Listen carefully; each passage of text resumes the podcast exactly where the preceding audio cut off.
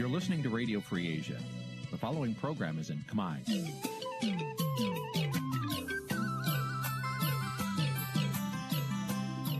នេះជាកម្មវិធីផ្សាយ Vuthu Azizi Serai នេះជាកម្មវិធីផ្សាយរបស់ Vuthu Azizi Serai ជាភាសាខ្មែរ Vuthu Azizi Serai សូមស្វាគមន៍លោកអ្នកនាងទាំងអស់ពីរដ្ឋធានី Washington នៃសហរដ្ឋអាមេរិក បាទផ្សាយផ្ទាល់ពីរដ្ឋធានី Washington ខ្ញុំបាទជួនចាត់បុតស៊ូមជម្រាបសួរលោកអ្នកនាងកញ្ញានិងប្រិយមិត្តទាំងអស់ជាទីមេត្រីបាទយើងខ្ញុំសូមជូនកម្មវិធីផ្សាយសម្រាប់រាត្រីថ្ងៃអង្គារ15រោចដាច់ខែបោះឆ្នាំឆ្លូវត្រីស័កពុទ្ធសករាជ2565ត្រូវនឹងថ្ងៃទី1ខែកុម្ភៈគ្រិស្តសករាជ2022បាទជាដំបូងនេះសូមអញ្ជើញលោកអ្នកនាងស្ដាប់ព័ត៌មានប្រចាំថ្ងៃដែលមានមេត្តាដូចតទៅ thank you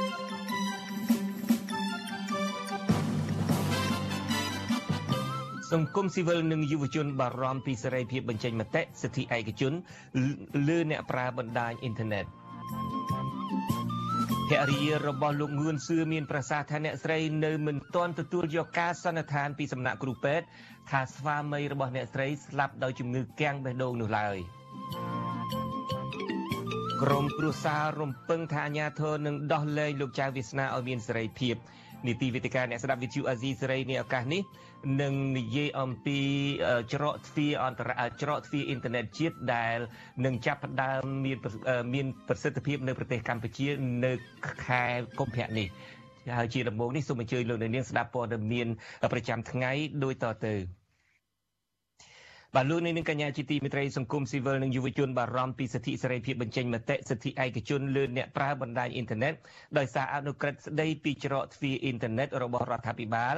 ដែលនឹងកាន់តែផ្ដល់អំណាចខ្លាំងនិងគ្មានព្រំដែនកំណត់ឲ្យរដ្ឋាភិបាលអាចរាំងខ្ទប់ឬរឹតបន្តឹងសេរីភាពនៃការបញ្ចេញមតិរបស់ប្រជាពលរដ្ឋពួកគេមើលឃើញថាខ្លឹមសារមាត្រាមួយចំនួននៃច្បាប់នោះរំលោភលើគោលការណ៍សិទ្ធិមនុស្ស ដែលរដ្ឋាភិបាលគួរយកមកកែលម្អឲ្យបានល្អប្រសើរឡើងវិញសេចក្តីរាយការណ៍អំពីរឿងនេះនឹងចាក់ជូនលោកនាងនាពេលបន្តិចទៀតនេះបាទលោកនាងកញ្ញាជាទីមេត្រីក្រុមគ្រួសាររបស់លោកងួនសឿននៅតែមិនទាន់អស់ចិត្តចំពោះមរណភាពរបស់ងួនសឿលោកងួនសឿអតីតមន្ត្រីជាន់ខ្ពស់គណៈបកហ្វុនស៊ិនពេជ្រនោះឡើយភរិយារបស់លោកងួនសឿបានថ្លែងប្រាប់វិទ្យុអាស៊ីស្រីនៅមុននេះបន្តិចថាលោកងួនសឿបានទទួលមរណភាពហើយកាលពីថ្ងៃទី29ខែមករា អ្នកស្រីអះអាងថាលោកងួនសឿបានស្ដាប់ភ្លាមភ្លាមពេកដែលទាំងអ្នកស្រីមិនបានដឹងអំពីមូលហេតុច្បាស់លាស់នៅឡើយបាទនេះពេលបន្តិចទៀតនេះខ្ញុំបាទនឹងមានសម្ភារផ្ទាល់មួយពីប្រទេសបារាំងទៅកាន់អ្នកស្រីភរិយារបស់លោកងួនសឿតែម្ដងសូមអញ្ជើញលោកនាងរងចាំស្ដាប់កិច្ចសម្ភារនេះដែលនឹងចាប់ផ្ដើមនាពេលបន្តិចទៀតនេះបាទលោកនាងកញ្ញាជាទីមេត្រី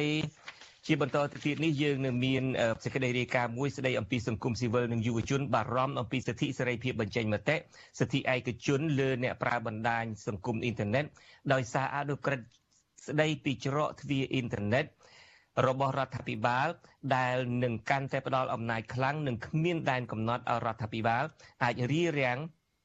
និងរដ្ឋបិទសេរីភាពនឹងការបញ្ចេញមតិរបស់ពលរដ្ឋពួកគេមើលឃើញថាខ្លឹមសារមាត្រាមួយចំនួននៃច្បាប់នោះរំលោភលើគោលការណ៍សិទ្ធិមនុស្សដែលរដ្ឋាភិបាលគួរតែកែលម្អឲ្យបានល្អប្រសើរឡើងវិញលោកមួងដារ៉េតមានសេចក្តីរាយការណ៍អំពីរឿងនេះជូនលោកនាងពីរដ្ឋធានី Washington មន្ត្រីអង្គការសង្គមស៊ីវិលនិងយុវជនយល់ថាច្បាប់ដែលរដ្ឋបတ်សិទ្ធិមនុស្សហើយទទួលការរិះគន់ពីមតិជាតិនិងអន្តរជាតិបែបនេះ គួរតែយកមកពិភាក្សានិងស្រង់មតិយោបល់ពីភាគីពាក់ព័ន្ធឲ្យបានត្រឹមត្រូវជាមុនសិនមុននឹងចេញជាធរមានទៅជាមធ្យោបាយធានានឹងការកសាងសេរីភាពជូនប្រជាពលរដ្ឋនៅក្នុងសង្គមប្រជាធិបតេយ្យពិតប្រាកដពួកគេស្នើឲ្យរដ្ឋាភិបាលទទួលយកមតិយោបល់ពីគ្រប់ភាគីដោយពិនិត្យមើលខ្លឹមសារច្បាប់នោះឡើងវិញដើម្បីកាត់បន្ថយផលប៉ះពាល់ដែលកើតមានឡើងចំពោះសេរីភាពបញ្ចេញមតិរបស់ប្រជាពលរដ្ឋនាយកប្រតិបត្តិ នៃសម្ព័ន្ធអ្នកសារព័ត៌មានកម្ពុជាកម្ពុជាលោកណប់វីលើកឡើងថាអ្នកសារព័ត៌មាន អង្គការសង្គមស៊ីវិលអ្នកការពារសិទ្ធិមនុស្សនិងប្រជាពលរដ្ឋកំពុងតែប្រើប្រាស់អ៊ីនធឺណិតសម្រាប់ផ្សព្វផ្សាយនិងចែករំលែកព័ត៌មានក៏ប៉ុន្តែលោកមើលឃើញថាខ្លឹមសារនៃមាត្រាមួយចំនួនដូចជាមាត្រា6 12 13និង14នៃអនុក្រឹត្យស្តីពីការបង្កើតច្រកចូលទ្វារអ៊ីនធឺណិតជាតិរបស់រដ្ឋាភិបាលគឺធ្វើឲ្យប៉ះពាល់ដល់សេរីភាពបញ្ចេញមតិជាពិសេស កិច្ចការងាររបស់អ្នកសារព័ត៌មានលោកណប់វីក៏សម្គាល់ថាកន្លងមកក្រុមអង្គការសង្គមស៊ីវិលតែងតែស្នើឲ្យក្រសួងប្រៃសណីនិងទូរគមនាគមន៍កែសម្រួលខ្លឹមសារមេត្រាមួយចំនួន ដែលធ្វើឲ្យប៉ះពាល់ដល់អ្នកប្រើប្រាស់អ៊ីនធឺណិតដោយសារតែការបកស្រាយខ្លឹមសារមិនច្បាស់លាស់ធ្វើឲ្យរដ្ឋបិទសិទ្ធិសេរីភាពរបស់ប្រជាពលរដ្ឋនិងផ្ដល់សិទ្ធិអំណាចដល់អាជ្ញាធរក៏ប៉ុន្តែបែរជាដាក់បន្ទុកដល់ប្រតិបត្តិការអ៊ីនធឺណិតហើយអាជ្ញាធរអាចតាមដានរក្សាទិន្នន័យអ្នកប្រើប្រាស់ជាដើម។ កាលណាមានការបកស្រាយទូលាយបីជាអ្នកសារព័ត៌មានលោកផ្សព្វផ្សាយអីក៏ដោយដែលកាលណាអាជ្ញាធរលោកចោទប្រកាន់ថាវាមានផលប៉ះពាល់ដល់សិលធម៌វប្បធម៌ប្រពៃណីហើយអញ្ចឹងមានន័យថាគាត់អាចកាត់ផ្ដាច់គាត់អាចបិទការផ្សព្វផ្សាយនឹងបាននៅគ្រប់ពេលវេលាបើសិនជាតាមអនុក្រឹត្យនេះគឺมันមានការសម្រេចពីតុលាការអីទៅទៀតអញ្ចឹងអាទាំងអស់ហ្នឹងដែលយើងចង់ឲ្យក្រសួងប្រៃសណីទូរគមនាគមន៍លោកទទួលយកយោបល់ដើម្បីពិនិត្យហើយនឹងធ្វើការកែសម្រួលឲ្យកាន់តែល្អប្រសើរ បញ្ហានេះក៏ធ្វើឲ្យមន្ត្រីសិទ្ធិមនុស្សព្រួយបារម្ភដែរអ្នកនាំពាក្យសមាគមការពារសិទ្ធិមនុស្សអាត់ហុកលោកសឹងសានករណាថ្លែងថារដ្ឋធម្មនុញ្ញការពារសិទ្ធិរបស់ប្រជាពលរដ្ឋខ្មែរគ្រប់រូបតែផ្ទុយទៅវិញលោកមើលឃើញថាអ្នកប្រើប្រាស់អ៊ីនធឺណិតរួមទាំងអ្នកប្រើប្រាស់ទូរស័ព្ទដៃនៅក្នុងប្រទេសត្រូវបានរងការរឹតបន្តឹងតាមដានហើយចោតប្រកាន់តាមប្រព័ន្ធតុលាការជាបន្តបន្ទាប់ដោយសារតែការសន្ទនាគ្នា ការផ្សព្វផ្សាយនិងចែករំលែកគំនិតយោបល់ពួកគេលើបណ្ដាញទាំងនោះ។ លោកសឹងសានករណីថានៅពេលដែលអនុក្រឹត្យច្រកទ្វារអ៊ីនធឺណិតជាតិចូលជាធរមាននោះវានឹងផ្ដល់អំណាចដល់រដ្ឋាភិបាលបន្ថែមទៀតនៅក្នុងការធ្វើទុកបុកម្នេញអ្នកប្រើប្រាស់បណ្ដាញទាំងនោះពីព្រោះខ្លឹមសារច្បាប់នេះរំលោភលើសិទ្ធិសេរីភាពបញ្ចេញមតិនិងសិទ្ធិឯកជនរបស់ប្រជាពលរដ្ឋជាពិសេសអ្នកដែលងាយរងគ្រោះជាងគេ គឺសកម្មជនសង្គមនិងនយោបាយដែលធ្វើឲ្យពួកគាត់កាន់តែប្រឈមនឹងការឆ្លប់យកការពីអាជ្ញាធរលើទិសដៅការងាររបស់ខ្លួន។ ហើយបើសិនជាការចូលរួមទាំងអស់នោះបានធ្វើការរដ្ឋបတ်ដោយច្បាប់បែបនេះវាធ្វើឲ្យមានហាក់បងទៅលើរដ្ឋាភិបាលទៅវិញទេពីព្រោះការចូលរួមទាំងអស់នោះនឹងមានការកាត់បន្ថយដោយសារតែការភ័យខ្លាចរបស់ខ្លួនចូលរួមអំពីការផ្ដល់នៅទស្សនៈ មតិយោបល់ការវិភាគអីផ្សេងផ្សេងហ្នឹងទៅដល់សាធារណជនឬក៏ការឆ្លើយឆ្លងផ្សេងមួយនឹងសារអេឡិចត្រូនិករបស់ខ្លួនហ្នឹងក៏មានការឈប់ដោយមានការព្រួយបារម្ភពីការតាមដានការចោតការចាប់ខ្លួនការចោតប្រកាន់ការខាត់បងមួយដែលយើងអាចបាត់ព័ត៌មានអំពីអ្វីដែលជាការព្រួយបារម្ភអ្វីដែលជាបញ្ហារបស់ប្រជាពលរដ្ឋ ជុំវិញរឿងនេះអ្នកនាំពាក្យក្រសួងប្រៃសណីនិងទូរគមនាគមន៍លោកមាសពោសូមមិនធ្វើអត្ថាធិប្បាយចំពោះកង្វល់នេះទេដោយលោកថារដ្ឋមន្ត្រីក្រសួងប្រៃសណីលោកជាវ៉ាន់ដេតធ្លាប់បានបកស្រាយរឿងនេះរួចទៅហើយវិទ្យុអាស៊ីសេរីមិនអាចតាក់ទងណែនាំពាក្យក្រសួងប្រៃសណីនិងទូរគមនាគមន៍លោកសូវិសុធីដើម្បីបកស្រាយជំរឿងនេះបាននៅឡើយទេនៅថ្ងៃទី1ខែកុម្ភៈ បើទោះបីជាយ៉ាងនេះក្តីកាលពីខែកុម្ភៈឆ្នាំ2021ក្រសួងប្រៃសណីនិងទូរគមនាគមន៍លើកឡើងនៅក្នុងសេចក្តីប្រកាសថាក្រសួងបានពិភាក្សាពិគ្រោះយោបល់ជាមួយនឹងអ្នកជំនាញប្រតិបត្តិការឯកជននិងស្ថាប័នពាក់ព័ន្ធជាច្រើនលើករួចមកហើយនិងអះអាងថាគ្មានបទបញ្ញត្តិណាមួយនៅក្នុងអនុក្រឹត្យនេះចែងអំពីការចាប់យកទិន្នន័យអ្នកប្រើប្រាស់និងការរដ្ឋបတ်សិទ្ធិសេរីភាពបញ្ចេញមតិនោះឡើយក្រសួងបកស្រាយថាគោលបំណងនៃការបង្កើតច្រកទ្វារអ៊ីនធឺណិតជាតិនេះគឺដើម្បីបង្កើនប្រសិទ្ធភាព នៅក្នុងការប្រមូលចំណូលជាតិដោយផ្អែកលើគោលការណ៍ប្រកួតប្រជែងស្មើភាពស្មោះត្រង់និងដំណាភាពរវាងរដ្ឋនិងប្រតិបត្តិការព្រមទាំងជួយទប់ស្កាត់ការលួចតភ្ជាប់បណ្ដាញឆ្លងដែនខុសច្បាប់លបែងស៊ីសងអនឡាញខុសច្បាប់ការគំរាមកំហែងតាមអ៊ីនធឺណិតរូបភាពអាហារភារនិងបទល្មើសឆបោកតាមប្រព័ន្ធអនឡាញជាដើម។ទន្ទឹមនឹងនេះក្រសួងចោទក្រុមអង្គការសង្គមស៊ីវិលជាតិនិងអន្តរជាតិថាលើកបញ្ហានេះធ្វើជាការចោទប្រកាន់គ្មានមូលដ្ឋាន និងមានចរិតនយោបាយ បើទោះបីជាយ៉ាងនេះក្តីអនុក្រឹត្យច្រកទ្វារអ៊ីនធឺណិតជាតិនេះនឹងត្រូវអនុវត្តចាប់ពីថ្ងៃទី16ខែកុម្ភៈហើយការបញ្ជូនសេវាអ៊ីនធឺណិតគ្រប់ប្រភេទត្រូវតភ្ជាប់បណ្ដាញទៅវិញទៅមកនៅក្នុងប្រទេសនិងអន្តរជាតិដែលត្រូវគ្រប់គ្រងដោយរដ្ឋាភិបាល។ជំវិញក្តីកង្វល់នេះក្រៅពីមន្ត្រីសារព័ត៌មាននិងសិទ្ធិមនុស្សក្រមយុវជនឯណោះក៏ពួកគាត់បារម្ភដែរ យុវជនដែលកំពុងតែធ្វើការងារសង្គមលោកស្វាយសំណាងប្រាប់វិទ្យុអាស៊ីសេរីនៅថ្ងៃទី1ខែកុម្ភៈថាសប្តាហ៍ថ្ងៃយុវជនបានជ្រើសរើសយកបណ្ដាញអ៊ីនធឺណិតសម្រាប់ទំនាក់ទំនងឯកជននិងផ្សព្វផ្សាយសកម្មភាពរួមទាំងរឿងរ៉ាវផ្សេងៗនៅក្នុងសង្គមក៏ប៉ុន្តែពួកគាត់ព្រួយបារម្ភពីសុវត្ថិភាពជាខ្លាំងដោយសារតែអាជ្ញាធរតាមឆ្លប់យកការលើអ្នកប្រើប្រាស់សិទ្ធិរបស់ខ្លួនលើអ៊ីនធឺណិតនេះ។ ទន្ទឹមនឹងនេះលោកថាយុវជនខ្លះស្ទើរតែមិនហ៊ានបញ្ចេញមតិឬក៏ទស្សនៈរបស់ខ្លួននៅក្នុងសង្គមឡើយយុវជនរូបនេះបញ្ជាក់ថាលោកមិនគាំទ្រច្បាប់ដែលមានចរិតរដ្ឋបិទលើសិទ្ធិសេរីភាពរបស់ប្រជាពលរដ្ឋលើបណ្ដាញអ៊ីនធឺណិតបែបនេះទេដែលច្បាប់នេះលោកថាបំបត្តិសិទ្ធិប្រជាពលរដ្ឋនិងទទួលរងការរិះគន់ពីគ្រប់មជ្ឈដ្ឋានលោកស្វាយសំណាងបន្តទៀតថាច្បាប់នេះនឹងបើកដៃឲ្យអាជ្ញាធរមានអំណាចបង្ក្រាបប្រជាពលរដ្ឋគ្មានដែនកំណត់ ដូច្នេះលោកយល់ថាយុវជនបរិស្ថានធនធានធម្មជាតិនិងសង្គមដែលសកម្មឲ្យតែងតែរិះគន់អំពីភាពអសកម្មរបស់រដ្ឋាភិបាលនឹងក្លាយជាផ្ទាំងស៊ីបឬក៏ជាគោលដៅនៃការធ្វើទុកបុកម្នេញរបស់អាជ្ញាធរកាន់តែខ្លាំងថែមទៀត។ សកម្មភាពក៏ដូចជាការចូលរួមរបស់យុវជនប្រកបជាមានការពិបាកសម្រាប់យុវជនដែលពួកគាត់តែតែជួយស្អាក៏ដូចជាការបញ្ចេញមតិនៅលើបណ្ដាញសង្គមនឹងប្រកបជាពួកគាត់ភ័យខ្លាចនៅពេលដែលចេញជាសាររិះគន់ឬក៏ជជែកគ្នាអំពីបញ្ហាសង្គមពីព្រោះអីនៅក្នុងហ្នឹងគឺប្រកបជាមានការគម្រាមកំហែងនៅលើបណ្ដាញប្រព័ន្ធអ៊ីនធឺណិតកាលពីថ្ងៃទី15ខែមករាសារព័ត៌មានល្បីមួយរបស់សហរដ្ឋអាមេរិកឈ្មោះថា The New York Times បានចេញផ្សាយអត្ថបទមួយដែលលើកឡើងថាបណ្ដាញអ៊ីនធឺណិតនៅកម្ពុជាអាចដូចនៅប្រទេសចិន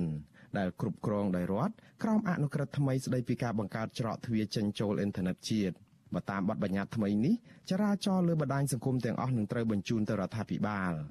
កាសែតដដែលបង្ហាញថាការបង្ក្រាបលើការបញ្ចេញមតិតាមប្រព័ន្ធ Digital មានភាពកាន់តែអាក្រក់លើអ្នកបញ្ចេញមតិដោយសារតែអាជ្ញាធរដាក់ពន្ធនាគារអ្នកប្រើប្រាស់បណ្ដាញទាំងនោះ ក្រោមបទញុះញង់និងប្រមាថថ្នាក់ដឹកនាំដោយសារតែការបង្ហោះរឿងកំ pl ែងកំណាព្យរូបភាពសារឯកជននិងបទចម្រៀងនៅលើអ៊ីនធឺណិតជាឧទាហរណ៍ជាក់ស្ដែងអ្នកចម្រៀងរ៉ាបដែលច្រៀងរិះគន់បញ្ហាសង្គមលោកគាសគុណក្មេងប្រុសកសវណ្ណឆៃលោកនីណាអ្នកសារព័ត៌មាននិងសកម្មជនសិទ្ធិមនុស្សសង្គមមួយចំនួនទៀតបានជាប់ពន្ធនាគារដោយសារតែការរដ្ឋបិទនេះរួចមកហើយ។ កាសែតអាមេរិកនេះបន្តទៀតថានៅពេលដែលអនុក្រឹត្យនេះចេញនោះកម្ពុជានឹងស្ថិតនៅក្នុងប្រទេសមួយដែលយកគំរូផ្ដាច់ការតាមប្រទេសចិននៅក្នុងការឆ្លប់យកការតាមអ៊ីនធឺណិតហើយវានឹងធ្វើឲ្យប៉ះពាល់កាន់តែខ្លាំងលើអ្នកប្រើប្រាស់បណ្ដាញនេះនៅពេលអនាគតខ្ញុំបាទមុនរ៉េត with Shu Azizari ប្រធានាធិបតី Washington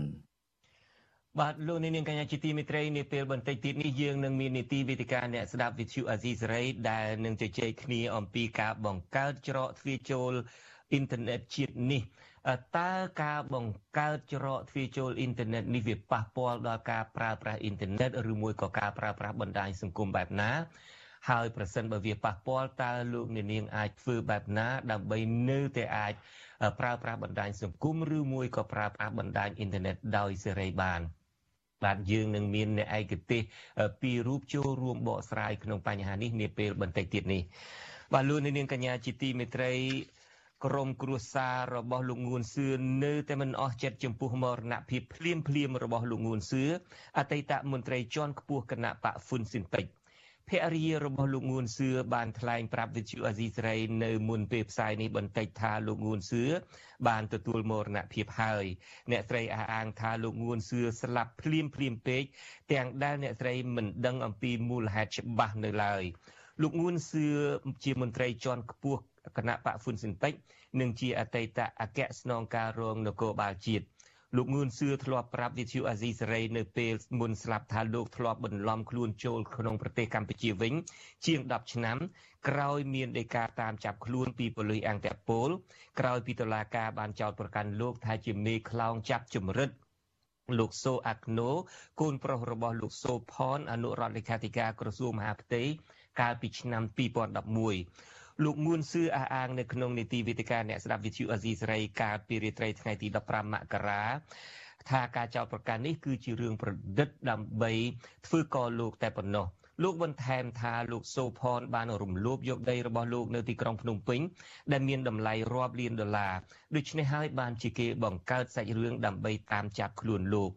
លោកងួនសឿក៏បានឲ្យដឹងដែរថាលោកបានត្រឡប់ទៅប្រទេសបារាំងវិញនៅក្នុងខែធ្នូឆ្នាំ2021ក្រោយពេលដែលលោកបានរត់គេចទៅប្រទេសថៃហើយត្រូវបានប៉ូលីសថៃចាប់ខ្លួនបញ្ជូនមកប្រទេសបារាំងវិញដោយលោកមានសញ្ជាតិបារាំងនៅក្នុងនីតិវិទ្យាអ្នកស្ដាប់អាស៊ីសេរីចុងក្រោយកាលពីរាត្រីថ្ងៃទី25មករាដដែលនោះលោកងួនសឿបានរៀបរាប់អំពី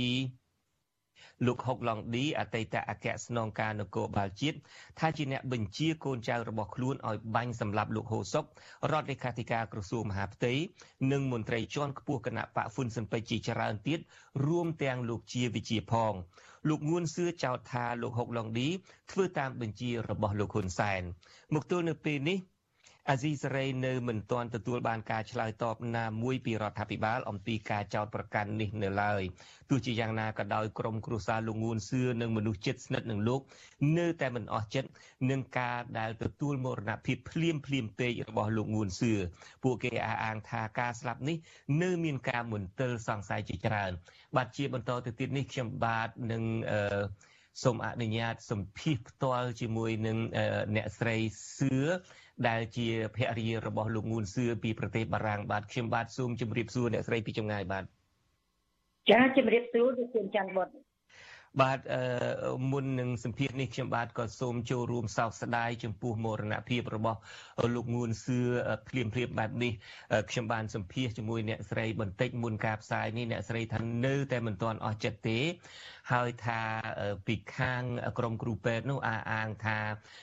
លោកងួនសឿស្លាប់ដោយជំងឺកាំងបេះដូងហេតុអ្វីបានជាអ្នកស្រីនៅមិនទាន់ទទួលយកបាននៅការសន្និដ្ឋានពីក្រមគ្រូពេទ្យបែបនេះបាទ ខ្ញុំ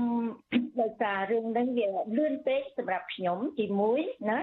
ហើយទី2បន្ទាប់ពីចេញសន្អឺស្អីសារព័ត៌មានអឺសម្ភាសជាមួយលោកជួនច័ន្ទបុតហើយពីរដងពីកើតមានរឿងនឹងឡើងហើយទាំងអស់នឹងធ្វើឲ្យខ្ញុំមានការសង្ស័យមានការមិនអស់ចិត្តដូច្នេះបានជាខ្ញុំទទួលយកមិនបានបាទអឺតើ មុនពេលដែលគាត់ទទួលមរណភាពនេះតើគាត់មានជំងឺអីទេមានអ្នកខ្លះនៅស្រុកបារាំងនឹងនៅពេលដែលខ្ញុំបានទូរស័ព្ទតាក់ទងទៅពេលដែលដឹងថាលោកងួនសឿទទួលមរណភាពទៅអ្នកខ្លះថាគាត់នឹងមានជំងឺមហារីកប្រព័ន្ធតម្រងនោមកម្រិតធ្ងន់ហើយដូច្នេះហើយបានជាលោកនឹងជ្រុះសក់រហូតដល់ពេលដែលធ្វើសម្ភារជាមួយអាស៊ីសេរីនឹងត្រូវពាក់មួកអីជាដើមដើម្បីកុំឲ្យឃើញការជ្រុះសក់អីជាដើមតើតំណឹងនឹងពិតទេតើគាត់ប្រកាសជាមានជំងឺប្រចាំកាយជាពិសេសជំងឺមហារីកកម្រិតធ្ងន់នឹងដែរទេបាទខ្ញុំសោយបន្តិចទៅចោះទោះបីខ្ញុំកំពុងតែមានទុកណាអឺប្តីខ្ញុំគាត់ណែអត់សក់នឹងតាំងពីអាយុ30ជាងពីលើក៏ប៉ុន្តែពីខាងគាត់មានទាំងអស់មិនមែនអត់ទេដូច្នេះមិនមែនបញ្ជាក់ពាក់មួកហ្នឹងណាដោយសារគាត់កើតមហារីកអស់សក់នោះគឺថាត្រង់ហ្នឹងវាខុសទាំងអស់ហើយខុសទាំងស្រុងណា ហើយអ្នកដែលនិយាយខ្ញុំឆ្ងល់ដែរអ្នកដែលនិយាយថាប្តីខ្ញុំកើតជំងឺមហារីកស្អីណាអឺលំដាប់ទី1ទី2ណាខ្ញុំមិនដឹងទេក៏ប៉ុន្តែខ្ញុំសូមជម្រាបថាអឺហេតុអីបានជាអ្នកអឺដែលហ៊ានអះអាងណានិយាយដូច្នេះខ្ញុំសូមបញ្ជាក់ថាតើខ្ញុំជាប្រពន្ធលោកមុនសឿឬក៏អ្នកនោះជាប្រពន្ធរបស់លោកមុនសឿបាទ ដូច្នេះគាត់មិនមានជំងឺទេមុននឹងគាត់ទទួលមរណភាពនេះបាទអឺប្តីខ្ញុំមានសុខភាពល្អណាស់ណាព្រោះជាពិសេសនៅស្រុកបារាំងប្រទេសបារាំងលោកជួនច័ន្ទបុតទៅស្គាល់ហើយពីណែវិជាពេទ្យរបស់បារាំងដូច្នេះប្តីខ្ញុំអឺល្អទាំងបេះដូងល្អទាំងរឿងផ្សេងផ្សេងទៀតសូម្បីតាតូកូលេស្តេរ៉ុលក៏គ្មានផងនៅក្នុងខ្លួន ហើយបើនិយាយពីតង់ចុងវិញ13 14 14កន្លះយ៉ាងច្រើនបាទថាបរិមងបៀងលោកច័ន្ទបុតល្អចាបាទបាទ អញ្ចឹងហើយមានស្ថានភាពអីកើតឡើងខ្លះនៅពេលដែលមុនគាត់ទទួលមរណភាពថ្ងៃទីថ្ងៃសៅរ៍ទី29មករានឹងតើតើមានហេតុការណ៍អីកើតឡើងខ្លះនៅចំពោះគាត់ទៅស្លាប់នៅតាណាហើយគាត់តាក់ទងអ្នកណាជាចុងក្រោយបាទអឺខ្ញុំមិនដឹងថាគាត់តាក់ទងអ្នកណាទេព្រោះខ្ញុំជាមនុស្សដែលមិនចូលចិត្តរកខ្លួនក្នុងការងាររបស់មនុស្សប្រុស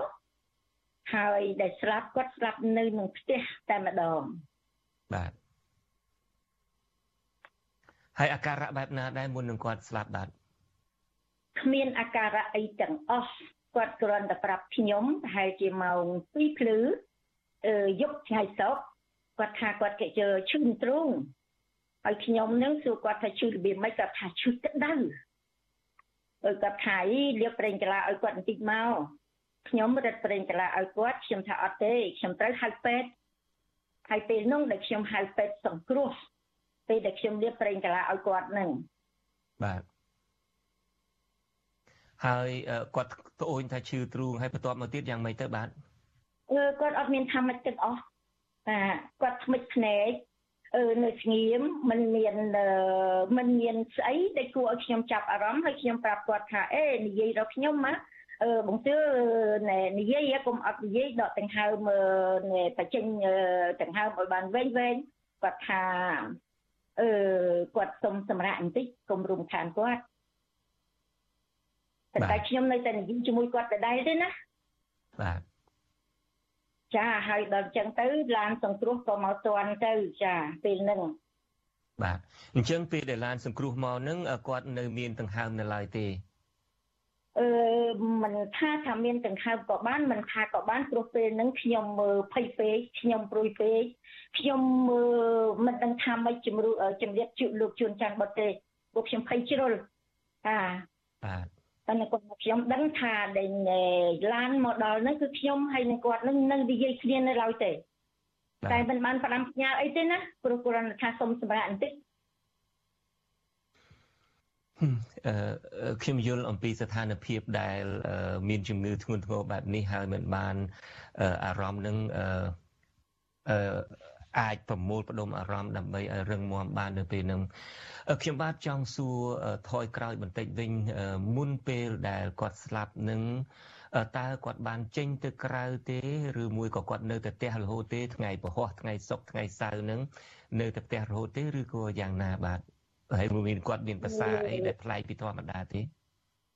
អឺទម្លាប់របស់ប្តីខ្ញុំណាគ្រួសារខ្ញុំគាត់ទៅមានរ៉ូឌីវូចេញក្រៅចេញចូលអីជាធម្មតាអឺបានន័យថាមានការទៅក្រៅត្រឡប់មកវិញដូចតែការងារដែលគាត់មានអញ្ចឹង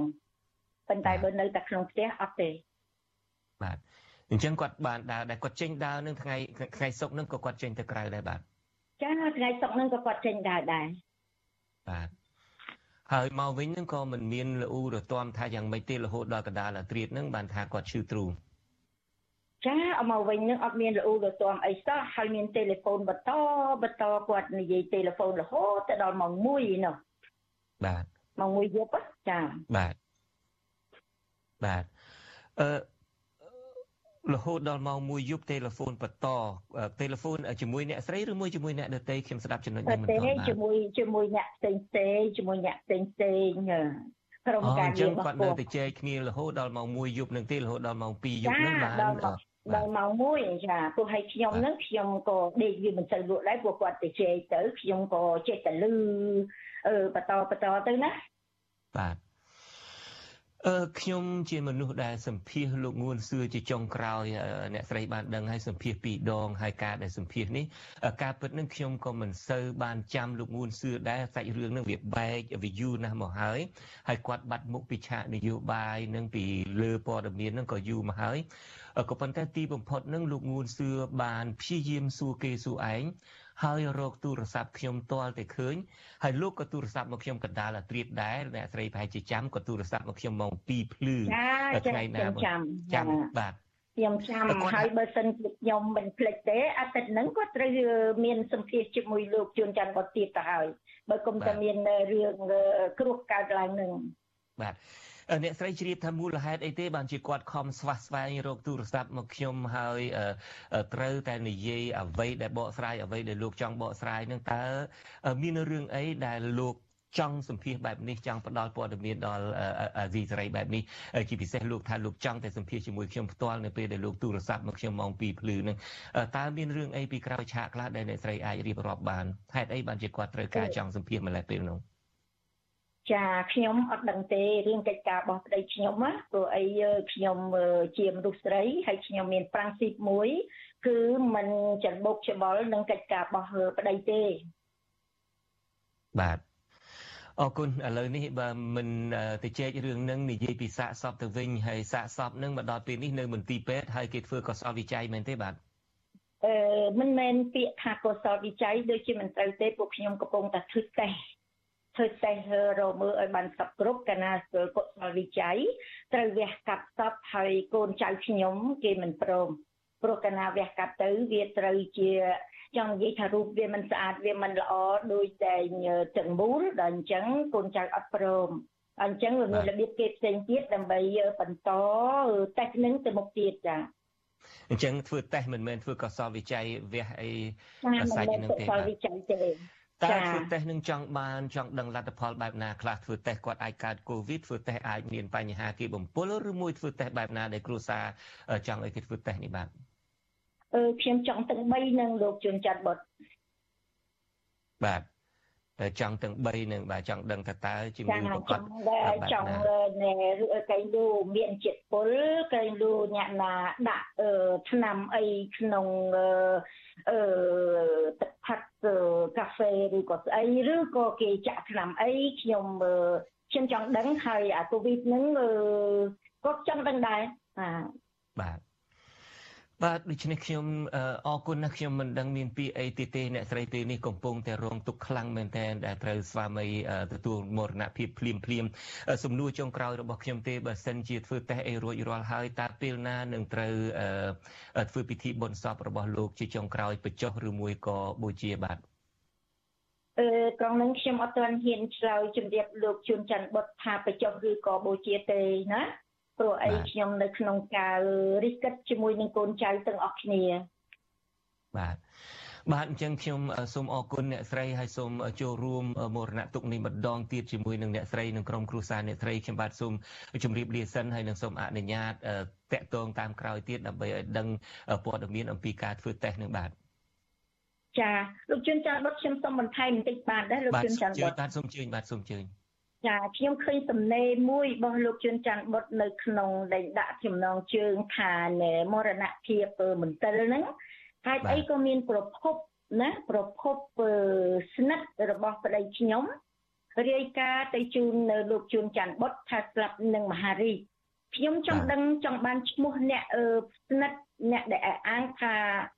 ជាមនុស្សស្និទ្ធរបស់ប្តីខ្ញុំលោកជួនច័ន្ទបុតឲ្យខ្ញុំបានទេកន្លែងហ្នឹង អឺខ្ញុំអាចជម្រាបបានប៉ុន្តែតើខ្ញុំនឹងជម្រាបតាមក្រោយនៅមិនទៅចែកនៅលើចាចាចាអូអរគុណហើយខ្ញុំសូមខ្ញុំសូមផ្ដាំផ្ញើទៅអ្នកដែលអះអាងនឹងណាថាសូមឲ្យគាត់មានសេចក្តីឆ្លាហាននឹងបញ្ចេញឈ្មោះផងកុំធ្វើមើលតែសមុទ្រអនាមិកបាទ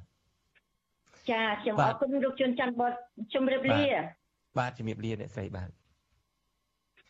បាទលោកអ្នកនាងកញ្ញាជាទីមេត្រីនៅពេលបន្តិចទៀតនេះខ្ញុំបាទក៏នឹងមានបទសម្ភាសន៍ផ្ទាល់មួយជាមួយមនុស្សដ៏ជិតស្និទ្ធជាទីបំផុតរបស់លោក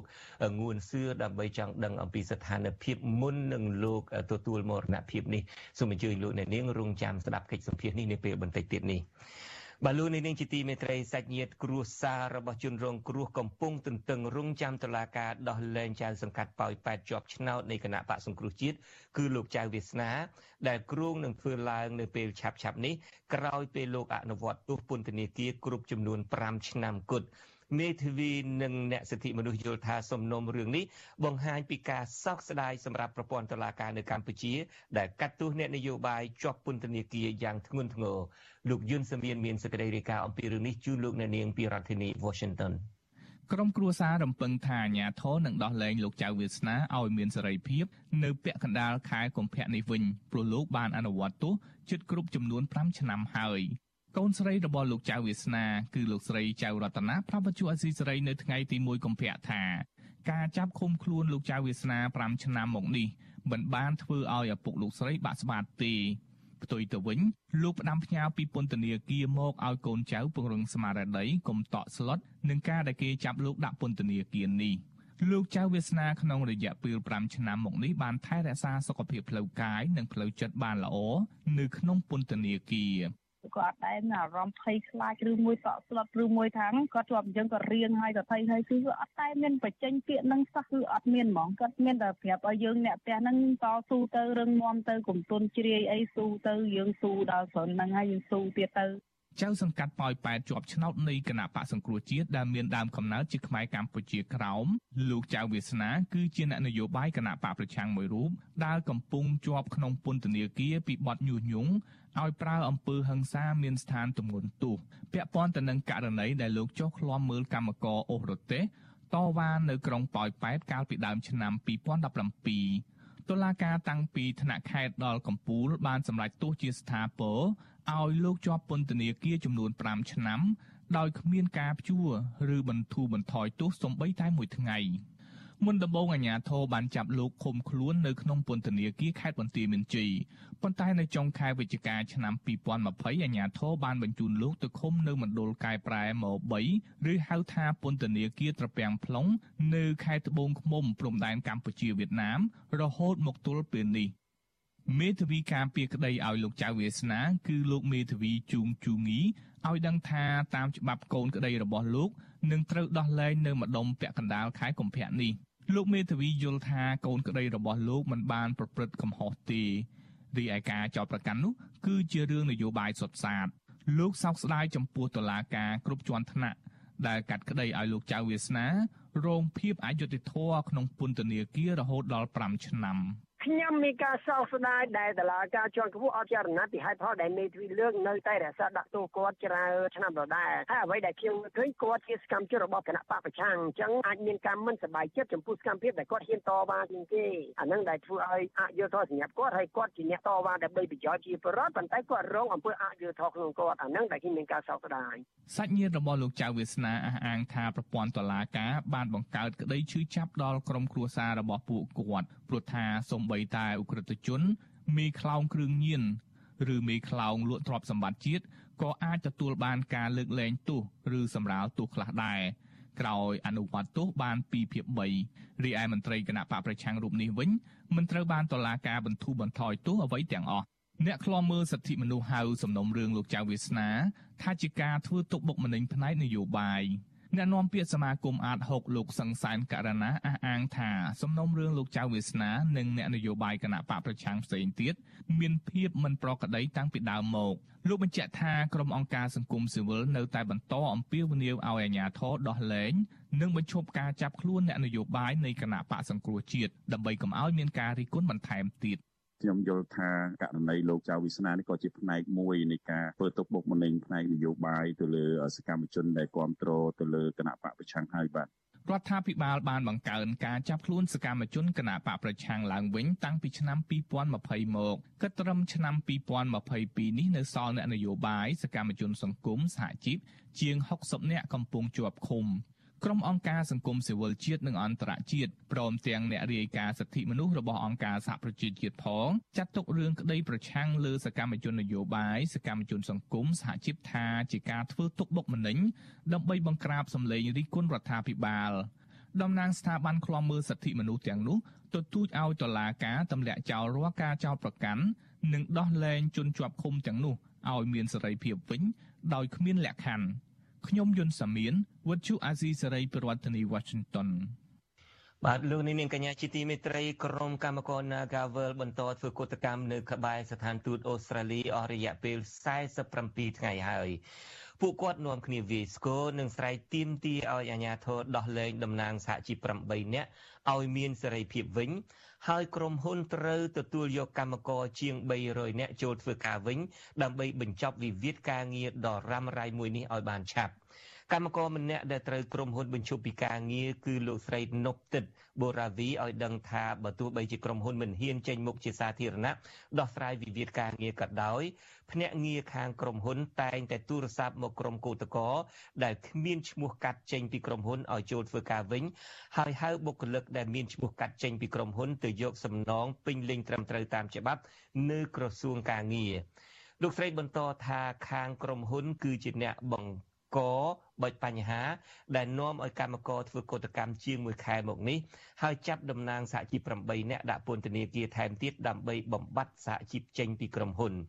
លោកស្រីបញ្ជាក់ថាដំណោះស្រាយដំបូងដែលកម្មករចង់បាននៅពេលនេះគឺដោះលែងតំណាងកម្មករឲ្យមានសេរីភាពឡើងវិញ ដើម្បីវិលចូលតុចរចាបញ្ចប់វិវាទការងារមិនមែនជាការទូទាត់ប្រាក់សំណងនៅក្រសួងការងារនោះឡើយក្នុងឱកាសជួយឆ្នាំចិននេះ ក្រុមកោតក្រនាំគ្នាស្លៀកពាក់អាវពណ៌ខៀវដែលមានអក្សរកាត់ជាភាសាអង់គ្លេសថា LRUS ដែលតំណាងឲ្យឈ្មោះសហជីពទ្រទ្រង់សិទ្ធិកម្មករនៃក្រុមហ៊ុន Nagavel ពួកគាត់ក៏បានលើកអក្សរកាត់4តួនេះនៅកន្លែងធ្វើកតកម្មដើម្បីផ្ញើសារទៅក្រុមហ៊ុន ថាពួកគាត់ត្រូវការមានវត្តមានសហជីពនៅកន្លែងការងារគិតត្រឹមថ្ងៃទី1ខែកុម្ភៈនេះថ្នាក់ដឹកនាំនិងសមាជិកសហជីពនៃកម្មករ Nagavel 8នាក់កំពុងជាប់ឃុំក្នុងពន្ធនាគារព្រៃសរអស់រយៈពេល33ថ្ងៃហើយក្រុមអង្គការសង្គមស៊ីវិលនិងសហជីពមួយចំនួនស្នើឲ្យតុលាការទម្លាក់ចោលបទចោទហើយដោះលែងថ្នាក់ដឹកនាំសហជីពនិងសកម្មជនសហជីពទាំង8នាក់ឲ្យមានសេរីភាពឡើងវិញជាមួយគ្នានេះ ក្រសួងការងារនិងក្រុមហ៊ុន បន្តដោះស្រាយបញ្ចប់វិវាទការងារនេះដោយបើកលំហសិទ្ធិការងារនិងទទួលស្គាល់វត្តមានសហជីពនៅកន្លែងធ្វើការឡើងវិញបាទលោកអ្នកនាងទើបតែបានស្ដាប់ព័ត៌មានប្រចាំថ្ងៃដែលជម្រាបជូនដល់ខ្ញុំបាទជឿនច័ន្ទបុតពីរដ្ឋធានី Washington សូមអញ្ជើញលោកអ្នកនាងរងចាំស្ដាប់នីតិវិទ្យាអ្នកស្ដាប់វិទ្យុអាស៊ីសេរីនៅពេលបន្តិចទៀតនេះ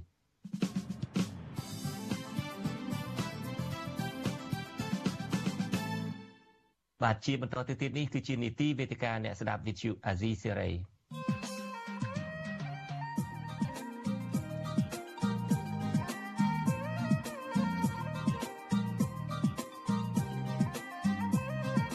វេទិកាអ្នកស្ដាប់វិទ្យុអាស៊ីសេរី